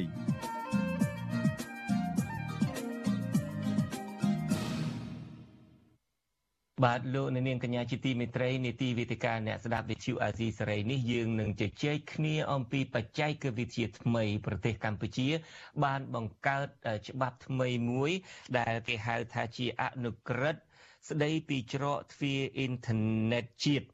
ឬជាភាសាអង់គ្លេសថា National Internet Gateway ការបង្កើតច្បាប់ស្ដីពីច្រកទ្វារអ៊ីនធឺណិតជាតិនេះ បង្កការព្រួយបារម្ភដល់អ្នកប្រើប្រាស់បណ្ដាញសង្គមអ្នកប្រើប្រាស់អ៊ីនធឺណិតរួមជាមួយនឹងអ្នកឯកទេសផងដែរដោយគេចាត់ទុកថានេះគឺជាការយកគំរូតាមប្រទេសចិនក្នុងការរដ្ឋបិទសេរីភាពក្នុងការប្រើប្រាស់អ៊ីនធឺណិតឬមួយក៏បណ្ដាញសង្គមបាទចូលរួមពិភាក្សាជាមួយខ្ញុំបាទនាពេលនេះគឺមានវាគ្មិនពីររូបមួយរូបគឺលោកបណ្ឌិតអឺលោក លោកលោកបណ្ឌិតសេកសុជាតិហើយមួយរូបទៀតគឺលោកង៉ែតម៉ូសេបាទខ្ញុំបាទសូមជម្រាបសួរលោកបណ្ឌិតសេកសុជាតិនិងលោកង៉ែតម៉ូសេពីចម្ងាយបាទបាទសូមជម្រាបសួរបងបាទសូមជម្រាបសួរលោកជុនច័ន្ទបុតសូមជម្រាបសួរលោកមកង៉ែតហើយនិងបងប្អូនជនរួមជាតិទាំងអស់ដែលកំពុងតាមដានស្ដាប់វិទ្យុអាស៊ីសេរី បាទខ្ញុំនៅអានឈ្មោះលោកង៉ែតម៉ូសេឬមួយអានថាយ៉ាងម៉េចខ្ញុំចេះតែថាអានម៉ូសេដឹងត្រូវឬខុសសូមប្រាប់ឲ្យផ្ទាល់មកមកដើម្បីគេដឹងទាំងអស់គ្នាផងបាទអរគុណច្រើនឪពុកខ្ញុំដាក់ឈ្មោះឲ្យខ្ញុំម៉ូសេបាទម៉ូស្លាប់ពីសដាក់ស្រអូសដាក់ស្រអេងាយម៉ូសេប៉ុន្តែបាទសំឡេងដូចជាប្រាំងម៉ូសេអញ្ចឹងឈ្មោះនេះដកចេញមកពីព្រះគម្ពីរសាសនាគ្រឹះមានន័យថាស្រស់ចេញពីទឹកបាទ បាទអញ្ចឹងខ្ញុំអានម៉ូសេនឹងត្រូវហើយបាទណាបាទអត់អីទេបាទបាទអរគុណនឹងយើងខ្ញុំបានអានហើយបានឮដំណឹងអំពីការបង្កើតអនុក្រឹត្យច្រកទ្វារអ៊ីនធឺណិតជាតិនេះអឺ ជាហោហែមកហើយហើយថ្មីថ្មីនេះអ្វីដែលចាប់អារម្មណ៍បំផុតនឹងកាសែតដ៏ធំមួយនៅសហរដ្ឋអាមេរិកនេះគឺ The New York Times នឹងបានចុះផ្សាយថាអនុក្រឹត្យស្ដីអំពីច្រកទ្វារអ៊ីនធឺណិតជាតិនេះនឹងចាប់ផ្ដើមមានប្រសិទ្ធភាពមានសុពលភាពនឹងចាប់ពីថ្ងៃទី16ខែកុម្ភៈនេះតទៅគឺមានន័យថា15ថ្ងៃពីនេះតទៅក៏ប៉ុន្តែយើងដឹងទាំងអស់គ្នាហើយថាអនុក្រឹត្យនេះបង្កើតតាំងពីថ្ងៃទី16ខែកុម្ភៈឆ្នាំ2021ម្លេះយើងមិនដឹងថាតើហេតុអីត្រូវការមួយឆ្នាំដើម្បីឲ្យមានប្រសិទ្ធភាពឬមួយក៏មានប្រសិទ្ធភាពរួចទៅហើយកាសែត Washington The New York Times នឹងរាយការណ៍ដោយមិនច្បាស់លាស់យើងមិនដឹងទេប៉ុន្តែយ៉ាងណាក៏ដោយចុះយើងនឹងមិនជជែកគ្នាថាតើវាចូលជាប្រសិទ្ធមានប្រសិទ្ធភាពឬនៅឬមិនមានទេអ្វីដែលខ្ញុំចង់ទៅជែកនៅពេលនេះគឺថាច្បាប់នេះ នៅពេលដែលមានច្បាប់បែបនេះតើវាប៉ះពាល់បែបណាដែរទេដល់អ្នកប្រើប្រាស់អឺអ៊ីនធឺណិតតើវាប៉ះពាល់ដល់សិទ្ធិសេរីភាពគាត់ទេឧបមាទៅបើសិនជាគាត់ចង់ចូលមើលអឺ website ណាមួយគេហទំព័រណាមួយហើយគេហទំព័រហ្នឹងរដ្ឋាភិបាលមិនពេញចិត្តគិតថាជាគេហទំព័រនឹងញុះញង់ឲ្យមានបដិវត្តពណ៌អីជាដើមដែលភាសាដែលជា ទូជាប្រជាប្រិយបំផុតនៅក្នុងប្រទេសកម្ពុជានឹងតើរដ្ឋាភិបាលអាចរាំងខ្ទប់បានទេបើសិនជាអនុវត្តច្បាប់ច្រកចូលអ៊ីនធឺណិតតែមួយនេះលោកបណ្ឌិតសេកខ្ញុំសេកសុជាតិបាទខ្ញុំឲ្យតែសេកនឹងហើយវាចេះតែចង់សេកបណ្ឌិតអញ្ចឹងហើយបានចេះតែគាំងនឹងពីព្រោះនៅនេះនឹងមានសេកបណ្ឌិតឲ្យតែថាសេកឯងបណ្ឌិតសេកឯងបណ្ឌិតអញ្ចឹងបានឲ្យសេកទៅគាំងសំទោសបាទបាទអត់ទេពុទ្ធ សូមអរគុណហើយតាមកាពិតទៅអ្វីដែលពួកយើងបានដឹងឮទាំងអស់គ្នាអំពីការបង្កើតនៅអនុក្រឹត្យស្ដីពីច្រកទ្វារគ្រប់គ្រងច្រកទ្វារអ៊ីនធឺណិតហ្នឹងតែមួយហ្នឹងគឺវាកើតឡើងយូរដែរហើយក៏ប៉ុន្តែពាក់ព័ន្ធនឹងអនុក្រឹត្យនេះរាជរដ្ឋាភិបាលមិនបានប្រកាសព្រាមហើយទុកឲ្យវាមានពេលវេលាមួយដើម្បីឲ្យប្រជាពលរដ្ឋក៏ដូចជាអ្នកប្រើប្រាស់ ប្រព័ន្ធបច្ចេកវិទ្យាហើយនិងអ្នកពាក់ព័ន្ធទាំងអស់ហ្នឹងស្វែងយល់ពីវាតើមានប្រតិកម្មពីភាគីណាខ្លះដែលយល់ស្របឬក៏មិនយល់ស្របអំពីការតតែងនៅអនុក្រឹត្យនេះឡើងនេះគឺជាចំណុចមួយដែលយើងមើលឃើញអស់គ្នាក៏ប៉ុន្តែអ្វីដែលយើងគួរតែចាប់អារម្មណ៍យើងដឹងហើយថាគោលបំណងនៃការបង្កើតអនុក្រឹត្យនេះបើតាមយើងស្វែងយល់គឺគាត់ចង់ធ្វើឲ្យវាមាន ការគ្រប់គ្រងច្បាស់លាស់មួយនៅក្នុងប្រព័ន្ធសវត្ថភាពតាមផ្នែកបច្ចេកវិទ្យាក៏ប៉ុន្តែបើសិនជាការប្រើប្រាស់នៅប្រព័ន្ធបច្ចេកវិទ្យាបែបនេះហើយមានការគ្រប់គ្រងតឹងរឹងខ្លាំងពេកដែលយើងគួរតែពិចារណាដែរតើមុនពេលដែលបង្កើតនៅអនុក្រឹត្យនេះតើភាគីពាក់ព័ន្ធណាខ្លះបានចូលរួមផ្ដល់យោបល់ទៅឲ្យ រាជរដ្ឋាភិបាលឬក៏ក្រសួងដែលទទួលបន្ទុកជាពិសេសគឺក្រសួងប្រៃសណីនិងទូរគមនាគមន៍ដែលមានតួនាទីគ្រប់គ្រងច្រកទ្វារអ៊ីនធឺណិតជាតិតែមួយនេះនេះគឺជាជារឿងមួយហើយយើងមើលទៀតតើអនុក្រឹត្យនេះវាអាចយកទៅប្រើប្រាស់នៅក្នុងគោលដៅផ្សេងដែលផ្ទុយអំពីរដ្ឋរដ្ឋធម្មនុញ្ញរបស់យើងអត់ហើយវាអាចបញ្ជ្រាបឬក៏ធ្វើឲ្យប៉ះពាល់ទៅដល់សេរីភាពរបស់ប្រជាពលរដ្ឋនៅក្នុង ការបញ្ចេញមតិឬក៏ការទទួលបានព័ត៌មានឬក៏ការប្រើប្រាស់សិទ្ធិនៅក្នុងនាមជាប្រជាពលរដ្ឋដែលមានរដ្ឋធម្មនុញ្ញរបស់យើងនៅការពារពេញលេញនេះនេះគឺជាចំណុចដែលយើងត្រូវពិចារណាទាំងអស់គ្នាហើយអ្វីដែលយើងគួរពិចារណាមួយទៀតតែយើងគិតមើលថាតើបរិបទសង្គមរបស់យើងនាពេលបច្ចុប្បន្ននេះតើគួរបង្កើតឲ្យមាន ច្បាប់ឬក៏អនុក្រឹត្យស្តីពីការគ្រប់គ្រងច្រកទ្វារអ៊ីនធឺណិតតែមួយនេះដែរទេឬមួយក៏គាត់ធ្វើដើម្បីតែគ្រប់គ្រងអំពីគេហៅថាក្រុមហ៊ុនដែលបម្រើសេវាកម្មផ្នែកទូរគមនាគមន៍ឬក៏យើងហៅថាប្រព័ន្ធទូរគមនាគមន៍គឺទូរស័ព្ទហ្នឹងឬក៏គ្រប់គ្រងលើក្រុមហ៊ុនដែលចែកចាយបណ្ដាញអ៊ីនធឺណិតទៅឲ្យ ប្រជាពលរដ្ឋឬក៏អង្គភាពស្ថាប័នឯកជនអីនៅក្នុងប្រទេសកម្ពុជាហ្នឹងអញ្ចឹងរាជរដ្ឋាភិបាលយើងក៏មិនច្បាស់ថាគាត់អាចប្រើប្រាស់វាស្របទៅតាមរដ្ឋធម្មនុញ្ញហើយវានឹងមិនរំលោភនៅសិទ្ធិឯកជនភាពរបស់អ្នកប្រើប្រាស់នៅក្នុងកម្រិតណាទេយើងរងចាំមើលការអនុវត្តនោះក៏ប៉ុន្តែខ្ញុំសង្ឃឹមថារាជរដ្ឋាភិបាលនឹងមិនរឹតបន្តឹងចំពោះការប្រើប្រាស់ របស់ប្រជាពលរដ្ឋផងយើងទេពីព្រោះប្រទេសកម្ពុជាត្រូវបានចែងយ៉ាងច្បាស់ថាជាប្រទេសមួយដែលគោរពឬក៏អនុវត្តរបបតាមបែបប្រជាធិបតេយ្យសេរីហើយរាល់សិទ្ធិនិងសេរីភាពរបស់ប្រជាពលរដ្ឋនៅក្នុងការបញ្ចេញមតិក៏ត្រូវបានការពារយ៉ាងមុតមមដោយរដ្ឋធម្មនុញ្ញដែរដូច្នេះយើងសង្ឃឹមថារាជរដ្ឋាភិបាលកម្ពុជានឹងមិនប្រើច្បាប់នោះធ្វើឲ្យវាលើសឬក៏ធ្វើឲ្យវាប៉ះពាល់ទៅដល់ រដ្ឋធម្មនុញ្ញរបស់យើងនោះទេនេះគឺជាចំណុចដែលខ្ញុំចាប់អារម្មណ៍ដំបូងពាក់ព័ន្ធជាមួយនឹងអនុក្រឹត្យស្ដីពីការគ្រប់គ្រងច្រកទ្វារអ៊ីនធឺណិតជាតិតែមួយនេះបាទបាទអរគុណលោកបណ្ឌិតសេកសុជាតិឥឡូវនេះទៅលោកង៉ែតមូសេវិញម្ដងលោកជាអ្នកបច្ចេកទេសក្នុងនឹងស្រាប់សំណួររបស់ខ្ញុំបាទថាបើសិនជាអនុវត្តឲ្យបានពេញលេញទៅអនុក្រឹត្យស្ដីពីច្រកទ្វារអ៊ីនធឺណិតនេះ តើរដ្ឋាភិបាលអាចរាំងខ្ទប់មិនអនុញ្ញាតឲ្យអ្នកណាមើល website ឯណាបានទេអាចចូលតែច្រកតែមួយហើយបើចូលច្រកតែមួយមានន័យថាចង់បញ្ចេញទៅវិញអ្វីដែលចង់បញ្ចេញបញ្ចេញអ្វីដែលអត់ចង់បញ្ចេញអត់ចង់បញ្ចេញតើអញ្ចឹងបានទេលោកមូសេបាទ បាទសូមអរគុណច្រើនបងច័ន្ទបតបើសិនជាខ្ញុំត្រឡប់ទៅមើលអនុក្រឹត្យបន្តិចសូមត្រឡប់ទៅអ្វីលោកបងច័ន្ទបតបានមានសាខាងដើមបន្តិចណាបាទមកយើងទៅមើលការចោទលេខារបស់លោកយុរ៉មត្រីហ៊ុនសែនទៅលើអនុក្រឹត្យហ្នឹងចឹងមានន័យថាអនុក្រឹត្យនេះគឺថាមានមានសុពលភាពហ្នឹងគឺថាចាប់ពីចុះហត្ថលេខានេះតទៅអញ្ចឹងមានន័យថាកាលពីថ្ងៃទី16ខែកុម្ភៈឆ្នាំ2021គឺមានសុពលភាពតាំងពីពេលនោះមកហើយអឺអនុក្រឹត្យគឺគឺមានឈ្មោះថាច្រកទ្វារអ៊ីនធឺណិតជាតិ ហើយបើសិនជាយើងមើលទៅឧបសម្ព័ន្ធរបស់គាត់នៅក្នុងទំព័រទី10យើងយើងឃើញពីចតទ្វីអ៊ីនធឺណិតមួយចំនួនទៀតដែលដែលចូលមកក្នុងប្រទេសកម្ពុជារបស់យើងហើយចូលមកក្នុងប្រទេសកម្ពុជារបស់យើងតាមតាមចាំសមុទ្រផងក្រុមសមុទ្រផងលើដីផងខាងកែរណបផងលក្ខណៈណាបាទទៅគោផ្លូវទឹកផងទៅកែរណបលើនៅខាងលើអឺនៅនៅក្នុងហ្នឹងបន្តមកទៀតមកគឺយើងមានច្រកទ្វីអ៊ីនធឺណិតជាតិរបស់យើងយើងហៅ National Internet Gateway ហ្នឹងបាទនៅកណ្ដាល បាទនៅកណ្ដាលហ្នឹងណាបាទអញ្ចឹងបើសួរថាតើតើតើការបិទចំថាការបិទ website ការអីមួយចំនួនហ្នឹងថាតើអាចទួយទេ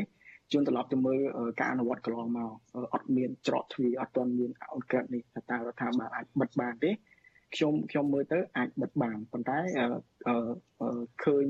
ពេលដែលចង់ពេលដែលបិទ website ណាមួយខ្ញុំមិនខ្ញុំមិនចង់និយាយថា detail ទៅលម្អិតទៅថាហេតុអីបានបិទ website ហ្នឹងណាយើងមើលការអនុវត្តការបិទហ្នឹង គឺខាងរដ្ឋគាត់ចេញសេចក្តីប្រកាសមកហើយជួបសេចក្តីប្រកាសជួបសេចក្តីប្រកាសហ្នឹងទៅកាន់ internet service provider អ្នកគ្រប់គ្រងសេវាអ៊ីនធឺណិតក្រុមហ៊ុនហ្នឹងណាបាទជូនឲ្យសេវាកម្មហ្នឹងទៅហើយកាលពីក្នុងឆ្នាំចន្លោះ2017 18ហ្នឹងគឺថាមានខ្ញុំឃើញមានមានសេចក្តីប្រកាសដើម្បីដូចបិទ website មួយចំនួនដែរហើយមានមាន ISP ខ្លះមានសេវាកម្មខ្លះគាត់អត់បិទទេ គាត់បិទគាត់មិនបានមើលស្អីប្រកាសនឹងអញ្ចឹងណាមិនដឹងប្រធានក្រុមហ៊ុនគាត់បិទមិនបិទយើងអត់ដឹងណាបាទអញ្ចឹងមានមាន website ខ្លះដែលបើកបាន website ខ្លះនឹងបើកបានដែលបើកចេញពីប្រទេសកម្ពុជាយើងទៅអឺដល់ពេលមានអនុក្រឹត្យអីទៅតើតាជួយសម្រួលដល់គាត់បិទហ្នឹងខ្ញុំគិតថាគាត់នឹងបិទ website ខ្ញុំគិតថាមានអីលំបាកទេបាទបើទោះបីជាមានអនុក្រឹត្យនេះឬមិនមានអនុក្រឹត្យនេះក្តីហើយគាត់ថាមានអនុក្រឹត្យនេះជាជាឯកសារគតិយុត្តផ្លូវច្បាប់មួយដែលអនុញ្ញាតឲ្យក្រុមការងារមួយចំនួនដូចជានៅក្នុងនេះយើងនិយាយថា ជា NIG operator ប្រតិបត្តិការ NIG ចកពីអ៊ីនធឺណិតអញ្ចឹងមានក្រុមការងារគាត់ដើម្បីមើលមើលនៅក្នុងរឿងហ្នឹងអញ្ចឹងណាបាទរហូតមកដល់ពេលនេះខ្ញុំមិនដឹងថាតើក្រុមការងារនោះបានក៏ធ្វើជាទម្រង់មានកែលៃនៅមាន data center នៅដែលគ្រប់គ្រងមួយចំនួនហ្នឹងថាតើក្រុមហ៊ុន i ក្រុមហ៊ុន internet service provider ហ្នឹងគាត់អឺ គាត់បានចុះមកចុះបញ្ជីជាមួយសំទោសចុះមកធ្វើភ្ជាប់អាប្រព័ន្ធរបស់ ISP ទៅទៅក្នុង NRG នឹងនៅព័ត៌មានអស់នេះខ្ញុំខ្ញុំមិនទាន់បានដឹងដល់ទេបាទប៉ុន្តែមិនសិនលទ្ធភាពនៅក្នុងការរាំងខ្ទប់ website បែប website មួយចំនួននេះគឺថាអាចទៅរួចបាទអាចទៅរួចណាបាទ ក៏ប៉ុន្តែត្រង់ទៅថាតើមានសម្ភារៈឧបករណ៍គ្រប់គ្រាន់ឬនៅអីឬនៅនឹងលោកមូសេមិនទាន់បានឃើញនៅឡើយទេមិនទាន់ដឹងនៅឡើយទេខ្ញុំបាទខ្ញុំមិនអាចដឹងបានព្រោះបាទព្រោះខ្ញុំខ្ញុំបើតាមខ្ញុំអានអានគាត់នេះទៅហើយនឹងខ្ញុំស្វែងយល់ពីប្រទេសមួយចំនួនដែលគាត់នៅជុំនៅជុំវិញយើងទៅណាបាទដូចគ្នាដែរហ្នឹងគឺថាបើទោះបីជាការគ្រប់គ្រងអ៊ីនធឺណិតគេផ្សេងពីយើងតិចតួចមែនប៉ុន្តែការបិទ website គឺជារឿងដែល មានច្រើនដែលលទ្ធខ្ញុំចង់និយាយពីលទ្ធភាពនៅក្នុងការរាំងខ្ទប់ website មិនឲ្យឃើញក្នុងស្រុកគឺថាមានច្រើនយើងយើងឃើញនៅប្រទេសក្នុងជុំវិញយើងចោះយើងទៅមើលប្រទេសមួយចំនួនទៀតដែលដែលកំពុងតែបោះឆ្នោតសប្តាហ៍ហ្នឹងណាមានពីរសំខាន់ដែលខ្ញុំចង់និយាយមួយគឺបិទ website ហ្នឹងទីពីរទៀតហ្នឹងគឺបិទអ៊ីនធឺណិតតែម្ដងឬក៏ហៅថា black out internet black out ហ្នឹងគឺថាអញ្ចឹងអញ្ចឹងអញ្ចឹងមិនបាច់បិទ website បិទអ៊ីនធឺណិតទាំងអស់ទៅគឺថាអាចអាចអាចធ្វើទៅរួចបានដូចគ្នាដែរអញ្ចឹងបើថា ខ្ញុំចង់មានន័យថាតើយើងអាចរហូតដល់បិទអ៊ីនធឺណិតទាំងអស់ហ្នឹងណាបាទខ្ញុំមើលព័ត៌មានអន្តរជាតិទៅដែលប្រទេសដែលកំពុងតែមានការបោះឆ្នោតហើយប្រទេសដែលកំពុងតែអឺគិតសង្កត់នៅក្នុងពលរដ្ឋពេលដែលមានសិទ្ធិជាមតិនៅអនឡាញឡើងឡើងជាដើមនោះបាទគឺថាអ៊ីនធឺណិតត្រូវបានបិទផ្ទុកតែម្ដងបាទបាទអឺលោកម៉ូសេបានលើកឡើងថាប្រទេសមួយចំនួនទៀតនឹងដែលអឺ មានការបោះឆ្នោតនេះជាដើមនឹងបានអាចបិទ website បានដើម្បីកុំឲ្យប្រជាពលរដ្ឋនឹងអាចចូលទៅមើលបាន ហើយបើយើងដឹងមកអ្វីដែលបង្កើតនៅប្រទេសកម្ពុជានេះច្រកចូលអ៊ីនធឺណិតជាតិនេះមានព័ត៌មានចុះផ្សាយច្រើនណាស់ថាគឺយកគំរូតាមប្រទេសចិននឹងតែម្ដងហើយលោកម៉ូសេប្រហែលជាបានជ្រាបហើយនៅប្រទេសចិននឹងគឺថារាំងខ្ទប់ខ្ទេចខ្ទីអស់គ្មានសល់អីទេចង់ឲ្យឃើញប៉ុណ្ណាឃើញប៉ុណ្ណឹងអឺ តើនៅប្រទេសកម្ពុជាយើងនេះលោកមូសេបានមានប្រសាសន៍ហើយថាបើបិទអ៊ីនធឺណិតឯនឹងងាយបិទជាទីបំផុតចុះបណ្ដាញសង្គមវិញប្រសិនបើគេមានបច្ចេកវិទ្យាមានធនធានមនុស្សគ្រប់គ្រាន់ដើម្បីធ្វើតើអាចបិទបានទេឧទាហរណ៍ថាការផ្សាយរបស់អាស៊ីសេរីពេលនេះភាគច្រើនលោកមូសេដឹងហើយថាយើងលែងមានការិយាល័យយើងលែងផ្សាយចេញពីប្រទេសកម្ពុជាតាមវិទ្យុ FM ឯបានតទៅទៀតហើយយើងពឹងផ្អែកតែទៅលើបណ្ដាញសង្គមហើយនឹងនឹងការផ្សាយតាមរលកធាតុអាកាសខ្លីតើគេអាចបិទបណ្ដាញសង្គមនឹងបានទេឧទាហរណ៍ Facebook តើអាចបិទបានទេបច្ចេកវិទ្យាបើសិនជាយកគំរូតាមប្រទេសចិនតែម្ដងហើយបើសិនជាកម្ពុជាយើងមានកម្លាំងគ្រប់គ្រាន់មានបច្ចេកវិទ្យាគ្រប់គ្រាន់ក្នុងការធ្វើធ្វើទៅកើតទេបាទសំណួរបងច័ន្ទបុតឲ្យខ្ញុំគិតទៅដល់ការប្រៀបធៀបគ្នារវាងការរៀបចំគ្រប់គ្រងអ៊ីនធឺណិតរបស់កម្ពុជាហើយនិងប្រទេសចិនណាតែពីរនឹងទេបាទអឺ ប្រទេសបើយើងមើលប្រទេសចិនការការបិទឃុំឃាំងអាអ៊ីនធឺណិតហ្នឹងគឺគឺខ្លាំងគឺច្រើនហើយអានេះទី1ទី2ទៀតរឿង filtering បាទការច្រោះច្រោះ keyword ពាក្យកលឹះពាក្យកលឹះយើងអាច search ពាក្យ human right អីបានហើយបើប្រើប្រាស់នៅក្នុងប្រទេសចិនណាបាទ Facebook អាចប្រើបានចឹងច្រោះចេញមករែងចេញមកអត់ឲ្យចូលបានបាទតែ search តែអត់ឃើញប៉ុន្តែដើម្បីធ្វើអញ្ចឹងបានទាល់តែសហការជាមួយនឹងក្រុមហ៊ុនទាំងអស់ហ្នឹង ឧទាហរណ៍សកម្មក្រុមហ៊ុន Google អញ្ចឹងសកម្ម Yahoo អីមួយចំនួនទៅហើយកន្លងមកយើងឃើញមាន Yahoo មានមានមាន Yahoo មាន Google អាចចាប់ផ្ដើមចេញពីប្រទេសចិនមកអញ្ចឹងដោយសារតែទ្រាំអត់បាននឹងអាការ កម្រិតកំណត់ឲ្យឲ្យក្រុមហ៊ុនទាំងអស់នោះ filtering បាទទីទៀតខ្ញុំទៅដល់ប្រទេសខាងយើងលើហើយតើតោះជាមួយនឹងអញ្ចឹងអញ្ចឹងខ្ញុំសូមខ្ញុំសូមនេះសិនដូច្នេះដើម្បីអាចឧទាហរណ៍ដើម្បី search រកពាក្យណាបានឧទាហរណ៍តែសិទ្ធិមនុស្សឬពាក្យអាស៊ីសេរីអីចឹងបាននឹងលុះត្រាតែមានការសហការជាមួយនឹង search engine search engine នឹងមានន័យថាអឺ អ្នកដែលរៀបចំកម្មវិធីស្រាវជ្រាវនឹងមាន Google មាន Yahoo ជាដើមតលតែ Yahoo ឬមួយក៏ Google សហការក៏ប៉ុន្តែបើសិនជាគេអត់ចាំបាច់ប្រើ search engine Yahoo ឬមួយក៏ Google ឧទាហរណ៍តែប្រទេសចិនគេបង្កើត search engine ផ្សេងតើធ្វើកើតទេ បាទអូបើសិនជាបង្កើតខ្លួនឯងមានន័យថាហ្នឹងមិនចាំបាច់ទៅសុំទៅអីបាទព្រោះហ្នឹងក្រុមហ៊ុននៅក្នុងស្រុកគេហើយបាទ infrastructure nhà សម្ព័ន្ធអីទាំងអស់នៅក្នុងស្រុកគេហើយហេតុអីក៏គេធ្វើបានបាទអញ្ចឹងប៉ុន្តែខ្ញុំខ្ញុំនិយាយនេះខ្ញុំថាហ្នឹងនឹងសុខចិនដែលដែលគៀបសង្កត់ខ្លាំងអញ្ចឹងណាបាទប៉ុន្តែដល់ពេលយើងវិញខ្ញុំតែខ្ញុំយល់ណាឥឡូវជាអ្នកបច្ចេកទេសទេមិនមែនអ្នកសិក្សាខ្សែសង្គមឬនយោបាយទីអ្នកបច្ចេកទេសទេខ្ញុំយល់ថាយើងអត់តន់ទៅដល់នោះទេអត់តន់ទៅដល់រឿង filtering អឺ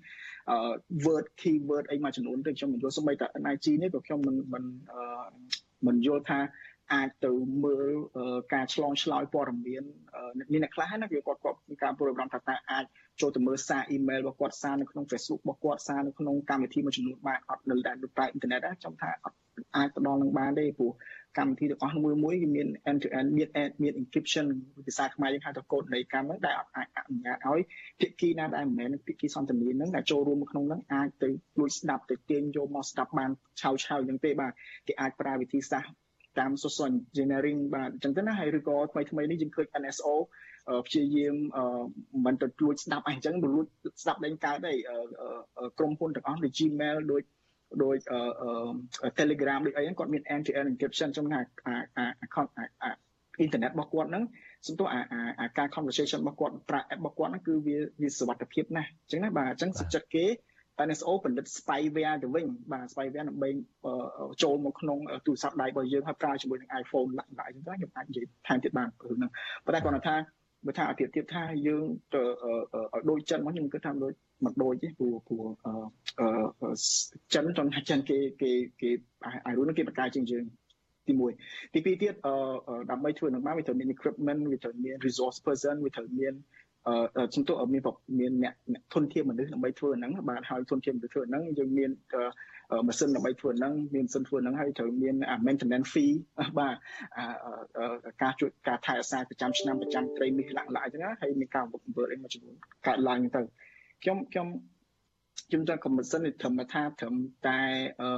បិទ website បិទអីចឹងណាអានោះខ្ញុំគិតថាមិនសឹងថាចាំបាច់មាន IG ទេព្រោះកន្លងមកមានបិទរួចទៅហើយបាទហើយមួយទៀតយើងមើលទៅប្រទេសជិតខាងយើងនៅប្រទេសវៀតណាមប្រទេសវៀតណាមដែលខ្ញុំតែងតែនិយាយហ្នឹងគឺគឺ Facebook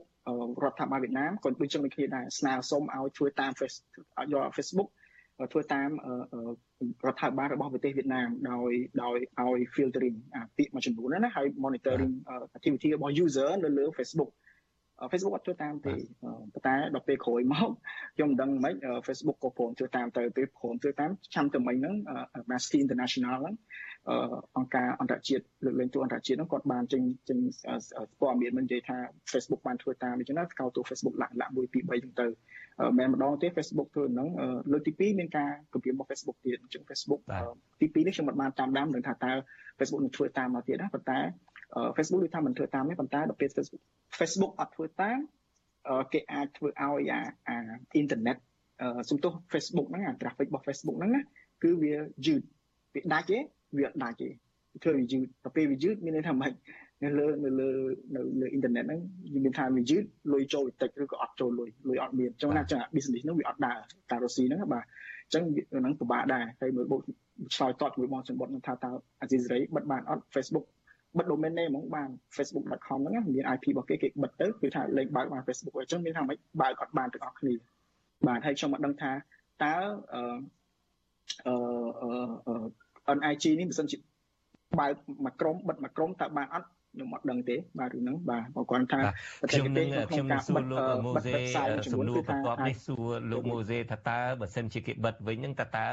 ធ្វើយ៉ាងណាដើម្បីនៅតែស្ដាប់បានចំពោះអ្នកដែលស្នេហាអាស៊ីសេរីអីជាដើមប៉ុន្តែនឹងជាសំណួរបន្ទាប់តំណែងស្ដីអំពីថាមានច្បាប់អនុក្រឹត្យស្ដីពី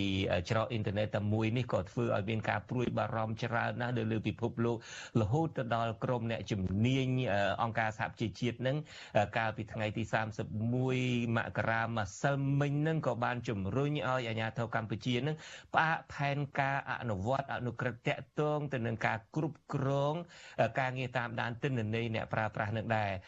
ក្រមអ្នកជំនាញរបស់អង្គការសហប្រជាជាតិនឹងអះអាងថាអនុក្រឹត្យស្ដីពីច្រកទ្វារអ៊ីនធឺណិតជាតិ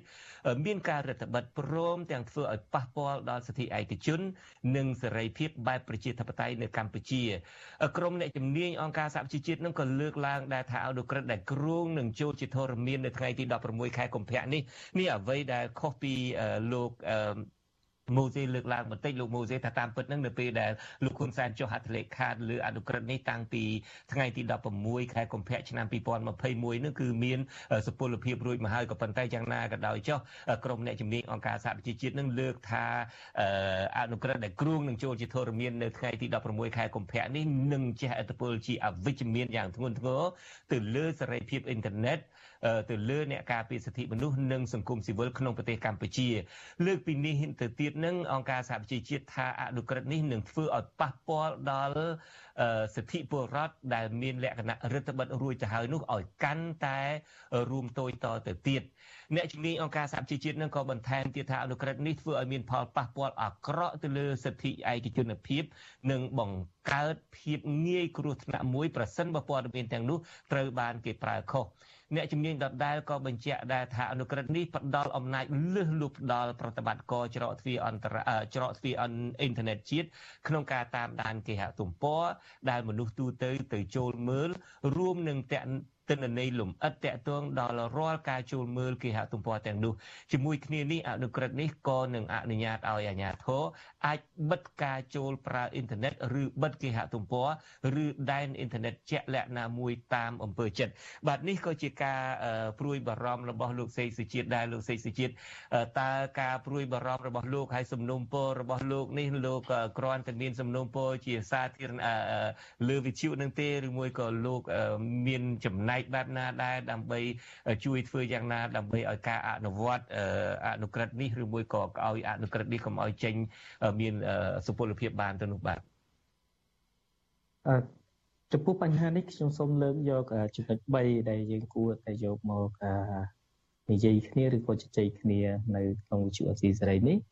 អឺហើយនឹងក៏ជាទុនមួយ សម្រាប់ចែករំលែកទៅដល់បងប្អូនអ្នកប្រើប្រាស់របស់យើងមិនថានៅ ទីក្រុងឬនៅជនបទឬក៏យុវជនឬក៏អ្នកនយោបាយសកម្មជនអីទេទីមួយយើងនិយាយអំពីទស្សនវិជ្ជានយោបាយនៅក្នុងសង្គមប៉ុណ្ណេះទីពីរយើងនិយាយអំពីទស្សនវិជ្ជាផ្លូវច្បាប់នៅក្នុងសង្គមប៉ុណ្ណេះពាក់ព័ន្ធជាមួយនឹងសេរីភាពនៃការប្រើប្រាស់អ៊ីនធឺណិតហើយនឹងសេរីភាពដែលមានចែងនៅក្នុងរដ្ឋធម្មនុញ្ញហើយទី3យើងមើលទៅលើទស្សនវិជ្ជាសង្គមប៉ុណ្ណេះតើទាំង3ចំណុចនេះវា អាចបង្ហាញយើងឲ្យឃើញយ៉ាងដូចម្តេចខ្លះទី1យើងដឹងហើយថានយោបាយពេលបច្ចុប្បន្ននេះគឺមានភាពកម្មប្រកបច្រើននៅក្នុងសង្គមប៉ុនយើងហើយភាគច្រើនយើងឃើញការតវ៉ាភាគច្រើនរបស់ប្រជាពលរដ្ឋឬក៏ជនងាយរងគ្រោះក៏ដូចជាអ្នកដែលប៉ះពាល់ទៅដល់សិទ្ធិសេរីភាពនៅក្នុងការទាមទារឲ្យរាជរដ្ឋាភិបាលគោរពនៅគោលការណ៍ណាមួយរបស់គាត់ហ្នឹងគឺគាត់ ត្រូវតែពិចារណាមែនតែនហើយគាត់លទ្ធភាពរបស់គាត់គឺប្រើប្រាស់លើ